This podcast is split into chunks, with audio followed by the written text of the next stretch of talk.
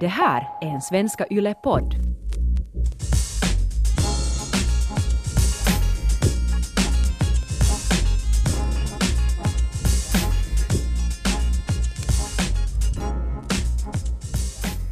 Det 47 avsnittet av Yle Sportens podd eh, ser dagsljuset mitt under pågående och brinnande VM. Roligt att notera att vår förra podd, det vill säga det 46 avsnittet, väckte ganska stort intresse sådär mätt i lyssnarsiffror. Och även om vi skulle göra den här podden, fast bara en människa där ute skulle lyssna, så är det ju alltid roligt att det vi säger och det vi babblar om och det vi svamlar om väcker lite gensvar. Förra veckan var det jag, Antti Koivukangas, tillsammans med Micke Oivu och eh, Krisu Vuojärvi som höll låda. Micke Oivu firar troligtvis välförtjänt födelsedag födelsedag för tillfället, så därför har vi bara Krisu Vuojärvi med oss från, Vuojärvi, från Seefeld. Hej Krisu! Hej, och kanske vi nu så här också i podden ska säga grattis på födelsedagen Micke. Alla gånger, alla gånger. Hej, du ni har nästan varit en dryg vecka redan och, då har ju på det viset bara VM kommit igång, men du måste ju vara väldigt ordentligt inbodd i Seefeld. Har du någon hot och not-lista för turister som funderar på att åka ner till Österrike? Ska man till Seefeld eller inte? Uh, om man tycker om att åka längdskidåkning så ja, om man tycker om att åka alpint så ja, om man tycker om eh, sån här klassisk mellaneuropeisk badort så ja, här finns massor av såna spa-anläggningar. Så, så ja. och om man däremot är ute efter sådär stadens puls så om man gillar att uh, ut och röja, om man gillar att uh, bara kunna gå in i en restaurang och äta sådär uh, impromptu, helt sådär uh, om man bara råkar vara där utanför restaurang, Så det fungerar inte för att det är eh, oftast så att det är knökfullt. Och man behöver ha reservationer för att eh, få en plats vid bordet. Nå, nu är det ju VM som gör att här är säkert mer turister än, än normalt, men överlag så för mig personligen om vi gör en hot och not-lista så, så definitivt i botten av not-listan så är det faktum att det här hotellet vi bor på så har inte en fungerande internetuppkoppling så min vardag har sett lite annorlunda ut. Jag har fått leva utan Netflix, jag har fått leva utan Premier League, utan NHL och utan Champions League och nu känns det ju ganska sådär dassigt. No, jag tänkte just att du skulle svamla in dig på någon sån där tirad om hur fint och värdefullt livet är när du har läst en bra bok och lyssnat på klassisk musik på LP. Men du är alltså inte riktigt i det spåret ännu. Du är inte redo att, att svänga 2019 ryggen och, och, och gå bakåt. Nej, livet går ju vidare och utvecklingen har gjort att, att livet har blivit bättre, så varför skulle jag vilja avstå det som jag tycker om? Ja, fantastiskt. Men i och för sig, du har inte åkt till Seefeld för att uh, lyssna på vinylskivor och läsa uh, filosofiska eh, dammiga alster ur bokhyllor, utan du är där för att uh, prata under VM och vi ska prata om VM.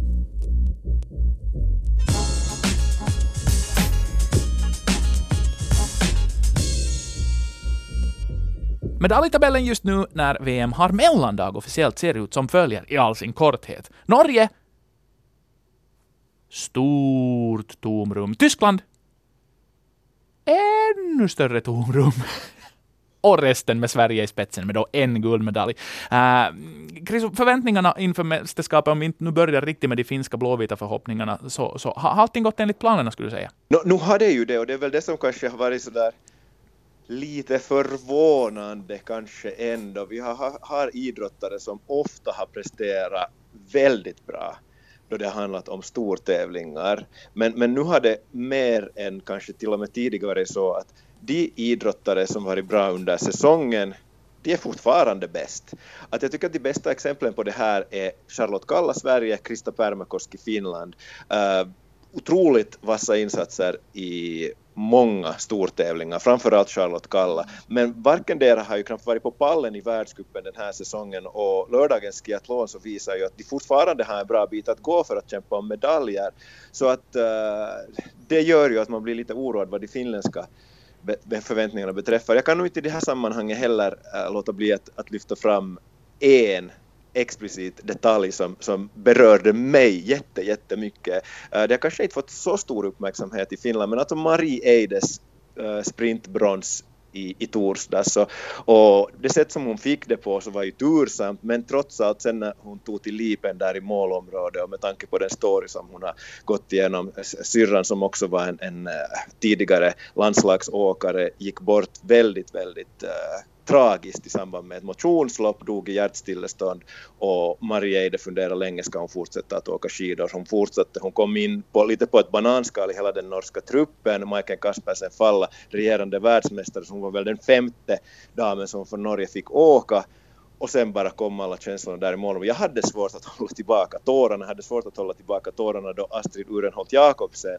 dagen efter bröt ihop under den norska presskonferensen då hon fick, om, fick frågan om vad det här betydde för det norska laget. Så, så det var nog bara så rörande. Nej, och jag håller med. Och jag menar, på sätt och vis kan man tycka att no, det är nu bara en norsk medalj i mängden. Alltså fem guld, tre silver och tre brons. Men det är ju nog vi norska medalj om man ser till Norge som, som nation. För jag menar, nog hade ju trots att eh, framgångsförväntningarna är stora hela tiden, så nu hade ju som idrottsnation också prövats här under den senaste tiden. Det var ju inte bara det, det var ju varit flera dödsfall med unga idrottare involverade mm. där. Vi minns Vibeke Skofterud också. Så att, att en, en, nation som går från klarhet till klarhet, men går via ganska djupa emotionella dalar, och jag håller med dig, att jag lyssnade faktiskt på ditt referat där, och jag hörde ju äh, din röst spricka, och jag förstod mm. att, att här, här, är det, här är det fråga om, mera om, i, en, mer, om mer än idrott. Äh, på något sätt, vad jag tolkar här på hemmafronten, när man följer med sociala medier och folks reflektioner över det som händer, så är det ju det här klassiska fallet igen med att är det så att, att liksom, eh, intresset för VM dalar i takt med att Norge är så otroligt bra, men det är ju inte Norges fel. Nej, det är ju de sätter, sätter ribban och det, det var de övriga ska sträva efter. Uh, ja, det finns ju en, en någonstans i Finland, bland en del människor, en märklig avundsjuka mot norskan och en misstro mot Norge. Och när vi nu nämner det där så, så det fanns de som tyckte att, att Norge och den norvis, norska serviceteamet förstörde för Ivo Niskanen skiathlon-tävlingen. Uh, Niskanen själv är den första att medge att han gjorde ett klantigt nybörjarmisstag då han alltså föll omkull efter fyra åkta kilometer i samband med en vätskestation. Ivo Niskanen borde aldrig ha åkt där till vänster om spåret, ytter om spåret. Då blir det genast knepigt och istället då han, man förlorar kanske bara en sekund med att lite bromsa upp, fortsätta att åka på spåret och ta den där vätskeflaskan. Och att påstå här att en norrman skulle ha, ha förstört det för Ivan Iskanen, det är nog bara magstarkt. Men det finns, det lever kvar. Kari-Pekka Kyrö till exempel, som en av de finländska kvällstidningarna tycker jag intervjuar i, i parti och minut. Ja, om, om vad som helst dessutom. Om vad som helst, ja, men, men det där uh, agget mot Norge är, är frapperande och sen tar han ofta tycker jag Ryssland i försvar. Och okej, Ryssland har nog kanske också, det finns åkare där som, som har blivit dömda fast de kanske är oskyldiga, men, men Ryssland har minsann också haft eh, sina kors att dra och, och minsann också ertappats som fuskare, vilket norsk, norrmännen kanske inte i samma grad har gjort. Mm, nej, det håller jag med om. Eh, uh, det, det som också är faktum nu att, att uh, efter tre tävlingsdagar så, så är de finska placeringarna ganska blygsamma. I nordisk kombination blev det en 20 plats individuellt och en 7 plats i lagtävlingen. I backhoppning 31 plats individuellt, det bästa Finland presterade, och en tionde plats och alltså ingen andra omgångens i lagbacke. Uh, det här är ju någonting vi tvingas leva med nu för tiden. Individuellt sen Joni Mäki 8 i sprint, Anne Kyllönen 33 i skiathlon Niskanen 4, Pärmäkoski 8 och i lagsprinten då Finland på sjunde plats både med Niskanen Hakola och med Pärmäkoski Kyllönen. Äh, om vi nu ger dig äh, det sportlov i Österbotten, så du får vara magister Vuojärvi här och, och, och, ge ett litet delårsvitsord här för den här, den här inledningen. Jag inte, vi, vi, den första kvartalsrapport kan vi väl ja, säga. Precis. Men vad, vad, vad snackar vi för, för skolvitsord nu? Vi, snack, vi tänkte ju oss nog framförallt igår att det skulle bli lite mitskuna. Ja, ja.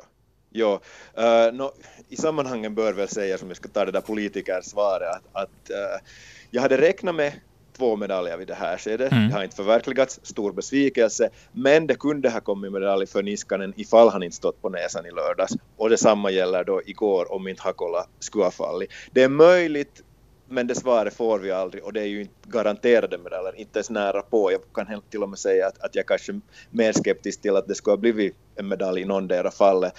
Nå, uh, hur som helst så, så nu presterar ju finländarna med några få undantag lite sämre än vad vi hade hoppats på. Sprinten till exempel för damer, att ingen går vidare bland de 30 främsta. Vi hade en estniska vidare, vi hade uh, en kines vidare på herrsidan, vi har för sig två finländare vidare där på herrsidan i sprinten, men, men nu är det ju liksom nöjaktigt minus, vad betyder det då på skolskalan?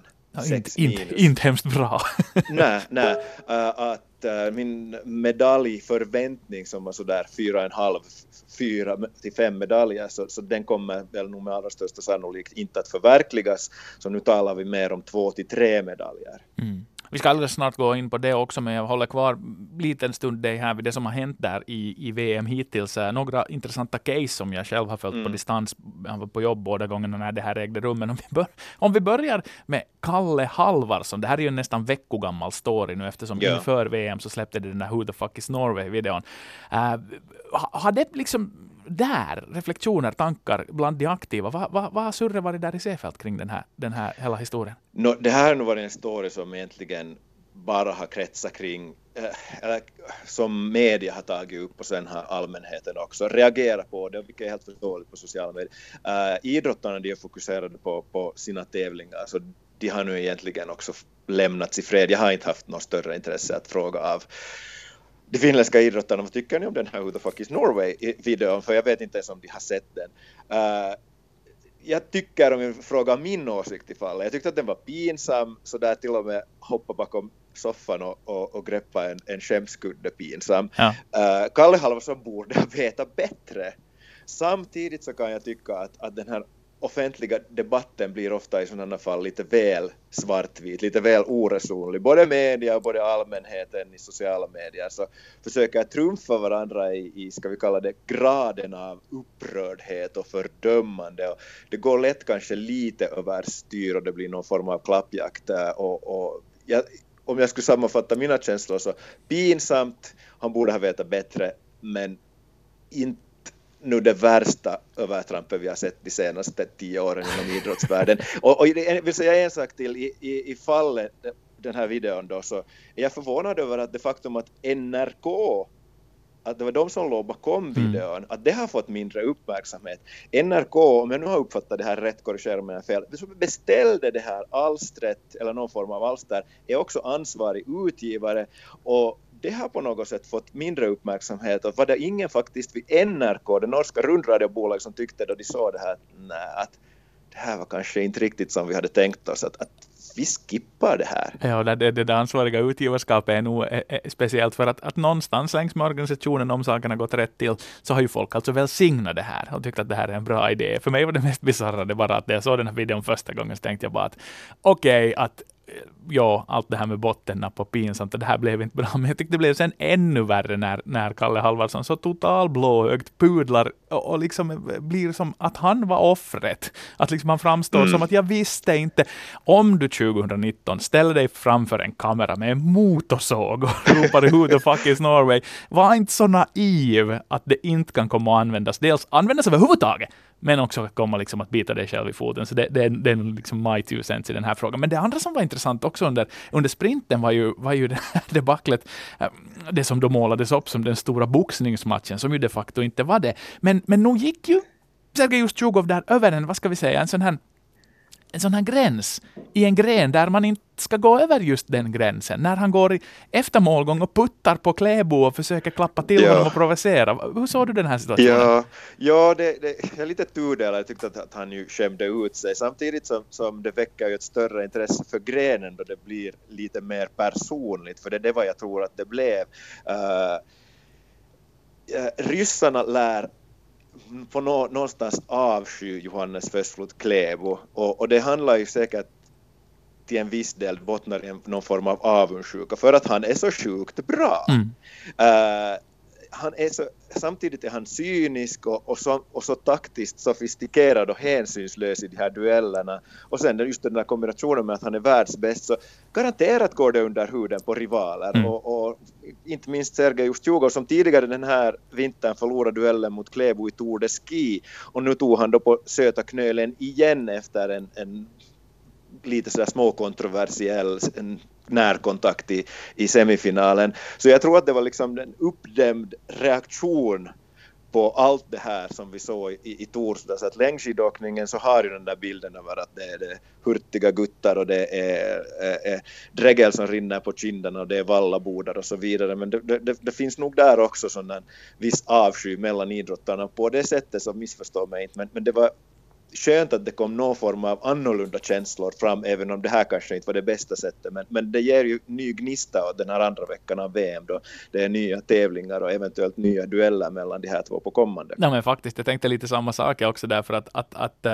vi har ju pratat om det här med, med, med puritanerna som gillar intervallstart och långa lopp där, liksom där du, det är en åkare och ett spår och man mäter sig helt enkelt i fysisk förmåga att ta sig fram så snabbt som möjligt. Det är ju någonting som skidsporten på det viset frångår när man gör om tävlingar och det blir massstarter, också stafetter, men framförallt också lagsprint och sprint, det vill säga att du går mera man mot man, kvinna mot kvinna och tävlar om samma utrymme och, och, och liksom byte av spår och taktiskt hur du lägger dig allt sånt har betydelse och nu är det ju på sätt och vis underhållande de här situationerna när de har varit uppe där och svängt på backen och ingen vill åka.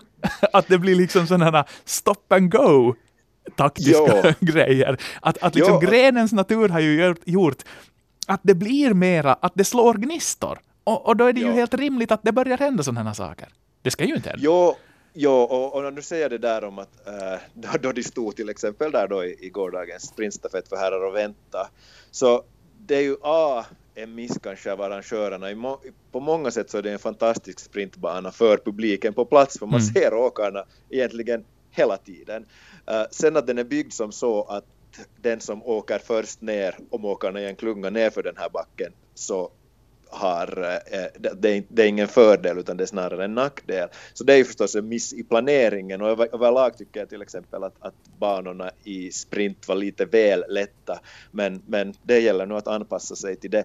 Uh, personligen tyckte jag att det var oerhört fascinerande det som skedde. Sen blev jag förvånad då jag läste uh, kvällstidningar där, där många experter uttalar sig att det här är bara pinsamt och, och generande och dåligt för grenen. Men det, mer, det där har man ju sett i, i friidrott i många herrans år att det kan trippas och det kan ungefär vara gåfart i medeldistanslopp uh, under de första varven och, och, för att sedan bli en tjurrusning. Så att mm. välkommet tycker jag. Alla gånger. Det är ju cykling. Det är ju liksom, det är där Precis, också liksom klung, klungan, där man till och med kan vänta in någon om de har ja, fallit ja, ja. för att ha liksom det där gentlemannaspekten kvar där att sen gör vi upp, sen kör gör vi. Så att nej, det, det är helt fascinerande. Exakt. Just det där att, att, att du måste ha en större taktisk finess i din skalle. Du måste inse, du måste läsa banan, du måste läsa motståndare. Mm. När sticker motståndare? Vem har tålamod? Vem har inte? Den som inte har tålamod förlorar. Mm. Och det här är ju en helt ny dimension på längdskidåkningen som jag bara jag tycker kan vara oerhört intressant. Mm. Nej, absolut, jag håller med. Hej, det har hänt hittills under skid-VM. Vi hoppar över in i halvlek två och kollar framåt i kristallkulan.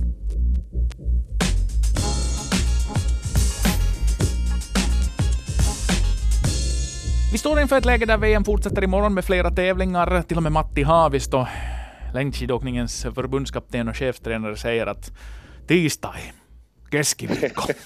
det, är liksom, det är den devisen vi lever efter nu. Det vill säga allt får åt, åt, åt fanders nu på tre dagar, men tisdag är keskiviikko. Är det så? No, framförallt keskiviikko för eventuella äh, äh rikssvenska lyssnare så kan vi väl konstatera att det är onsdag och kanske sådana också som inte kan, kan, kan finska ens så mycket. Så ja, onsdag då är det alltså äh, 15 kilometer klassisk skidteknik, äh, intervallstart, Ivo Niskanen, kungaklassiskt. Äh, den form han visar i skiathlon-tävlingen så om det inte sker en malör i stil med det som skedde i lördags så ska det bara bli medalj. Så att det där har vi en medalj. Men, men att vi skulle komma upp till de där fyra, fem som jag förutspådde så det känns omöjligt. Om, han, och, om Haavisto talar om tisdag så är jag också skeptisk. Mm. Krista Pärmäkoski åtta i skiathlon. Uh, vi har Therese Johaug, sannolikt helt för bra. Vi har Ebba Andersson om hon har uh, återhämtat sig från sin luftvägsinfektion sannolikt också för vass, Så då har vi sedan bronsmedaljen kvar att kämpa om. Ingvild Flugstad Östberg, avsevärt bättre än Permakoski i skiathlon. Uh, vi har Astrid Hurenholt Jakobsen också framför Permakoski. Vi har Frida Karlsson, vi har Natalia Neprjajeva. Ja, nu, det kan bli medalj, men Krista Permakoskis form har inte varit tills vidare, inte den här vintern, den som, som skulle göra att jag skulle se med jättestor tillförsikt fram emot det här 10 klassiskt, även om det är hennes paraddistans. Så, så keskiviikko, ja. Tisdag, ej. det är ett bra svar. Då är ju Haavisto ändå Permakoskis eh, personliga tränare också, så att han mm. borde ju ha någon form av koll. Eh, men, men nu är det ju eh, är det, det är en ganska omänskligt tung börda att bära nu igen en gång när det här framgångstörstande folket väntar på sina skinmedaljer. För att jag menar, redan ser man ju funderingar kring att, att kommer det nu att bli noll? Men här slog du ju fast att mm, onsdagen nog kommer att frälsa oss, eller hur? Ja. Ja, det är väl första gången någonsin i praktiken som det ska bli nollmedaljer, men nu tar Finland medalj. Alltså inte, jag, jag, jag, låter kanske lite kategorisk, men då jag talar om Pärmäkoskis chanser, men jag ville bara poängtera det att det är så otroligt många om budet. Mm, nej, är. Hon är en, en medaljkandidat, men inte en het sån. Niskanen är en het medaljkandidat. Uh, sen, sen, tycker jag faktiskt att Finlands näst bästa medaljchans det är herrarnas stafett, för vi har tre herrar som jag tycker har gett bra formbesked. Utöver Niskanen så Risto-Matti Hakola tyckte jag så pigg mm. ut i gårdagens sprintstafett och, och det var han sa efteråt att han kände sig så oerhört fräsch fram till den där vurpan så, så tyder på att, att någonting står rätt till där. Och Matti Heikkinen stod för sin överlägset bästa insats i skiathlon där han nosade på en topp 10-placering. Så att han, där har vi ytterligare en åkare för den här kvartetten som ska ta förhoppningsvis brons bakom mm. Norge och Ryssland. Sen, sen återstår det en, en distans äh, för Haavisto då att, att väla mellan att vem tar hand om den där antagligen då första etappen. Exakt, exakt. Men om vi tänker också, jag menar, vi, vi var ju sådär försiktigt förhoppningsfulla och Micke Oivo framförallt också tyckte att den där halv, halva medaljen i nordisk kombination skulle kunna mm. komma, men på basis av, av individuellt tjugonde och sen sju i lagtävling med Hirvonen så... Nej. Nej, exakt. Det var det ordet jag var ute efter. Nej, alltså, uh, vi har ju två potentiella världsklassidrottare. De, de är världsklass, men de är dessvärre så svajiga, både Ilkka Herola och Eero Hirvonen i backmomentet och, och de här kommentarerna och det kroppsspråk de har haft här under, vad blir det, dagarna fem ungefär, så, så tyder nog på att, att självförtroende, den peak som de var på då de vann lagsprinten i Lahti, så, så all den goodwill, all, all det självförtroende, det har nog försvunnit någonstans. Mm. I och med dåliga träningshopp, i och med dåliga tävlingshopp. Äh, lågvattenmärke var ju då Hirvonen föll sitt träningshopp äh, här i, i sönd, i, igår. Och, och sen att han lyckades samla sig så väl att han hoppade över 115 meter i själva tävlingen var ju, var ju imponerande i sig. Men det, ska ske någonting märkligt med backformen för att det ska bli medalj kombinerat. Mm. Tyvärr, så att Micke Hoivo, födelsedagsbarn, han får sannolikt fortsätta att uh, blicka framåt mot nya stora mästerskap för att få referera en finländsk, en blåvit medalj i endera kombinerat mm. eller backhoppning. För i backhoppning så, så nu ser det ju nattsvart Ja, nej, verkligen. Det är nog the curse of Mikael Oivo, den fortsätter och, och, och mår väl kan vi väl nästan konstatera. Men man vet ju aldrig. Sen är det VM 2021 på kommande och, och, och där har vi damernas nordiska kombination med som gren, så att kanske det ja, lossnar där. Man vet precis. ju inte. Du har ju, har ju inside information där Ja, nej, jag, förra veckan var jag träffade 13-åriga Alva Tors i Vörå mm. och, och, jag menar hon satsar hårt och bara det att grenen ens kommer in på programmet är ju ett steg i rätt riktning. Det har tagit länge där till exempel alpint och alla andra grenar. Uh, backhoppningen också kommit in på tävlingskalendern, men nu är nordisk kombination för damer också på väg in. Och bra så. Men äh, Chris, vi har ju en, en, en gedigen TV-vecka att se fram emot ännu. Om du måste kolla så där lite på höjdpunkter. Nu tänker vi inte bara enbart förstås Blåvitt, även om vi får tänka Blåvitt och vi har nämnt det här ordet, Keskiviikko, redan några gånger. Så, så vilka är de topp tre godbitarna nu av, av, VM som återstår ur, ur bänkidrottarperspektiv att, att, att som man ska pensla in i kalendern med tjock tusch? No, smaken är förstås som baken. Vissa gillar backhoppning, vissa gillar kombinerat, vissa gillar, gillar längdskidåkning. Men jag har nu koncentrerat mig på min gren, det vill säga längdskidåkning. Uh, jag nämnde redan klassiska intervallstarterna, damer 10K, herrar 15K intervallstart. Det här är alltså tisdag, onsdag. Sen min personliga favoritdisciplin, gren under stortävlingar har alltid varit stafetterna och de äger rum torsdag, fredag, damerna 4 gånger 5 torsdag, herrarna 4 gånger 10 på fredag. Och sen tycker jag kanske nog att det var vi har sett av Therese Johaug den här säsongen, säg vad ni vill om henne och tyck vad ni vill och, och är hon en, en dopningsfuskare eller inte, det har hon ju varit men hon har sonat sitt brott. Men så överlägsen som hon har varit den här vintern. Hon kommer sannolikt att, att ta fyra guld här, det vill säga på tisdag tio klassiskt, sen stafettguld på torsdag och sen på lördag damernas tremil fristil. Så att äh, tar sitt fjärde guld, eventuellt alla överlägset. Det är, det är en sån dominans man sällan ser på den här nivån och det är också någonstans lite vackert. Att, och det här är kanske någonting sådär som man kan till och med berätta för sina barnbarn då de kanske någon gång tittar på något snarlikt och säger att jag minns då det fanns en åkare som hette Therese Johaug och hon var den bästa någonsin. Ja, nej, det, det, det, hon blev en benchmark. Att när någon på 2040-talet ser dominant ut så kan man dra det där faffakortet och konstatera att Kuuleppas pojkar. ja. Ungefär så ja.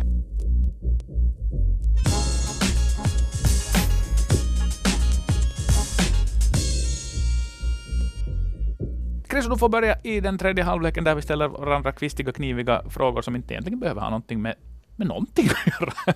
Så du får yes. börja. Uh, en tudelad fråga, den första ja nej. Har du någonsin kollat på amerikansk showbrottning, det vill säga wrestling, WWF, WWE, vad det nu sen kallas nu för tiden? Ganska mycket, vågar jag påstå. Yes. Det, ju, det har ju några år på nacken, mitt stora Ja. intresse, men det är, Ja. det, det ja. Okej, no, men då, då är den här andra huvudfrågan den att har, hade du någon favoritkaraktär?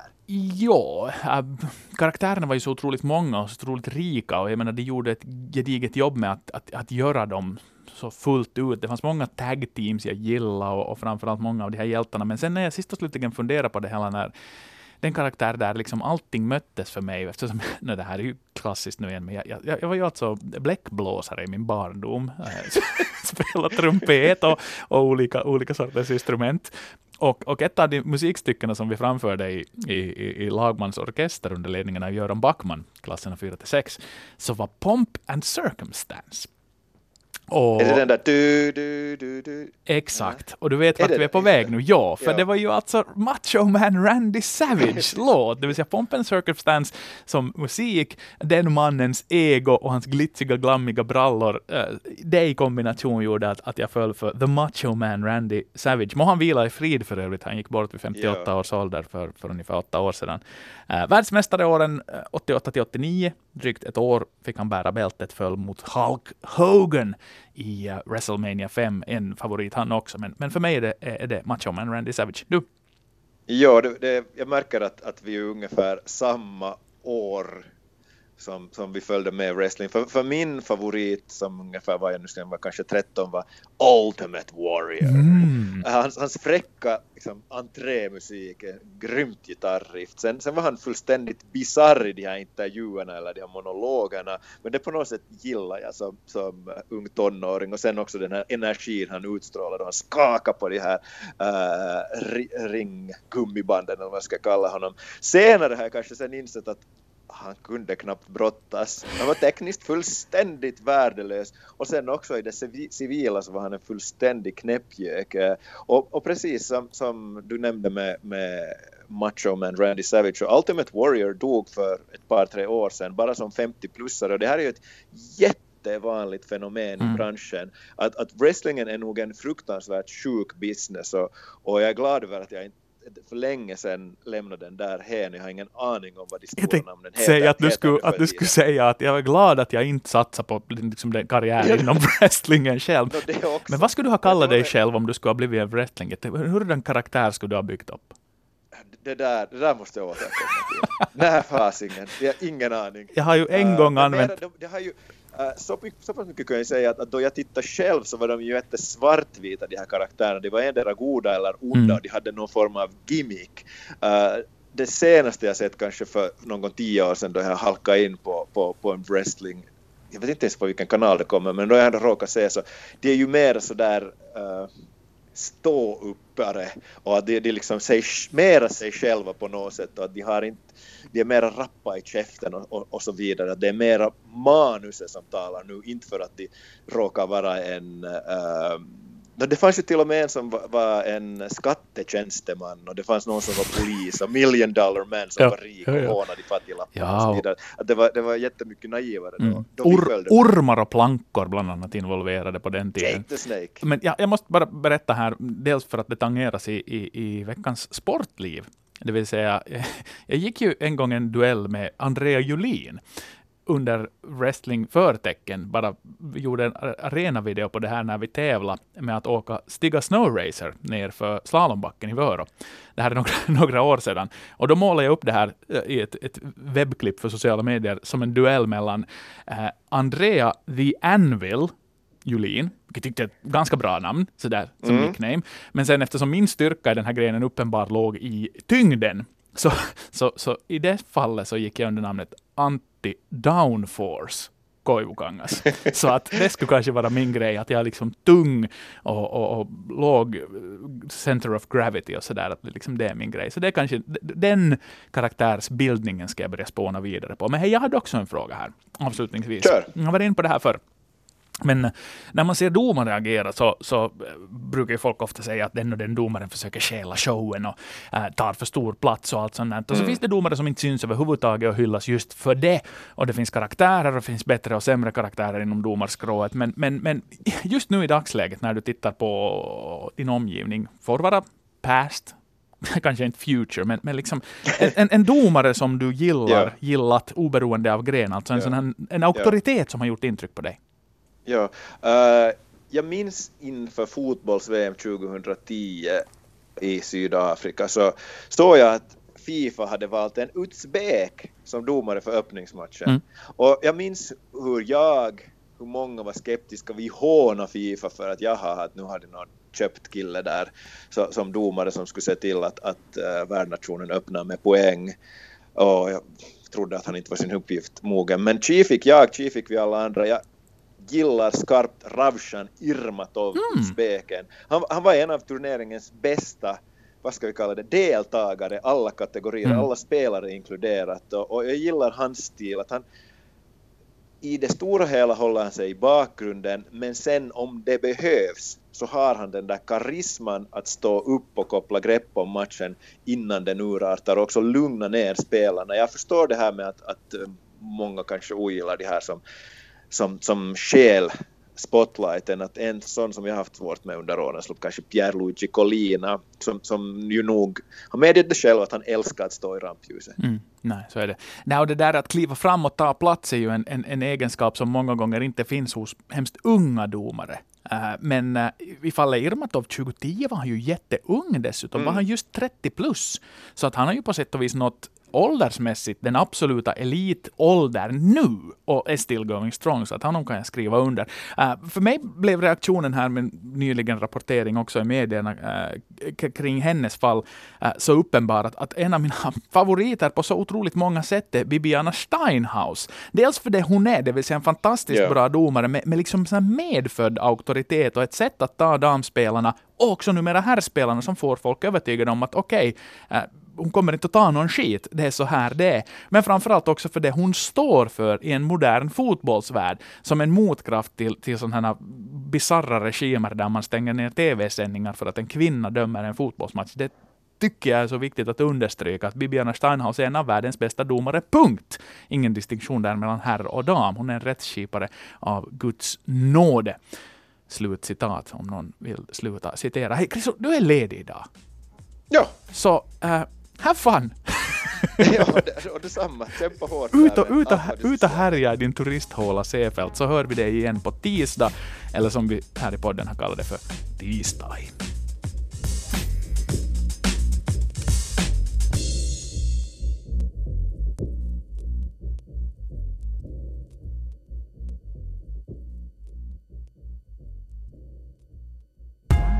Det här är en Svenska Yle-podd.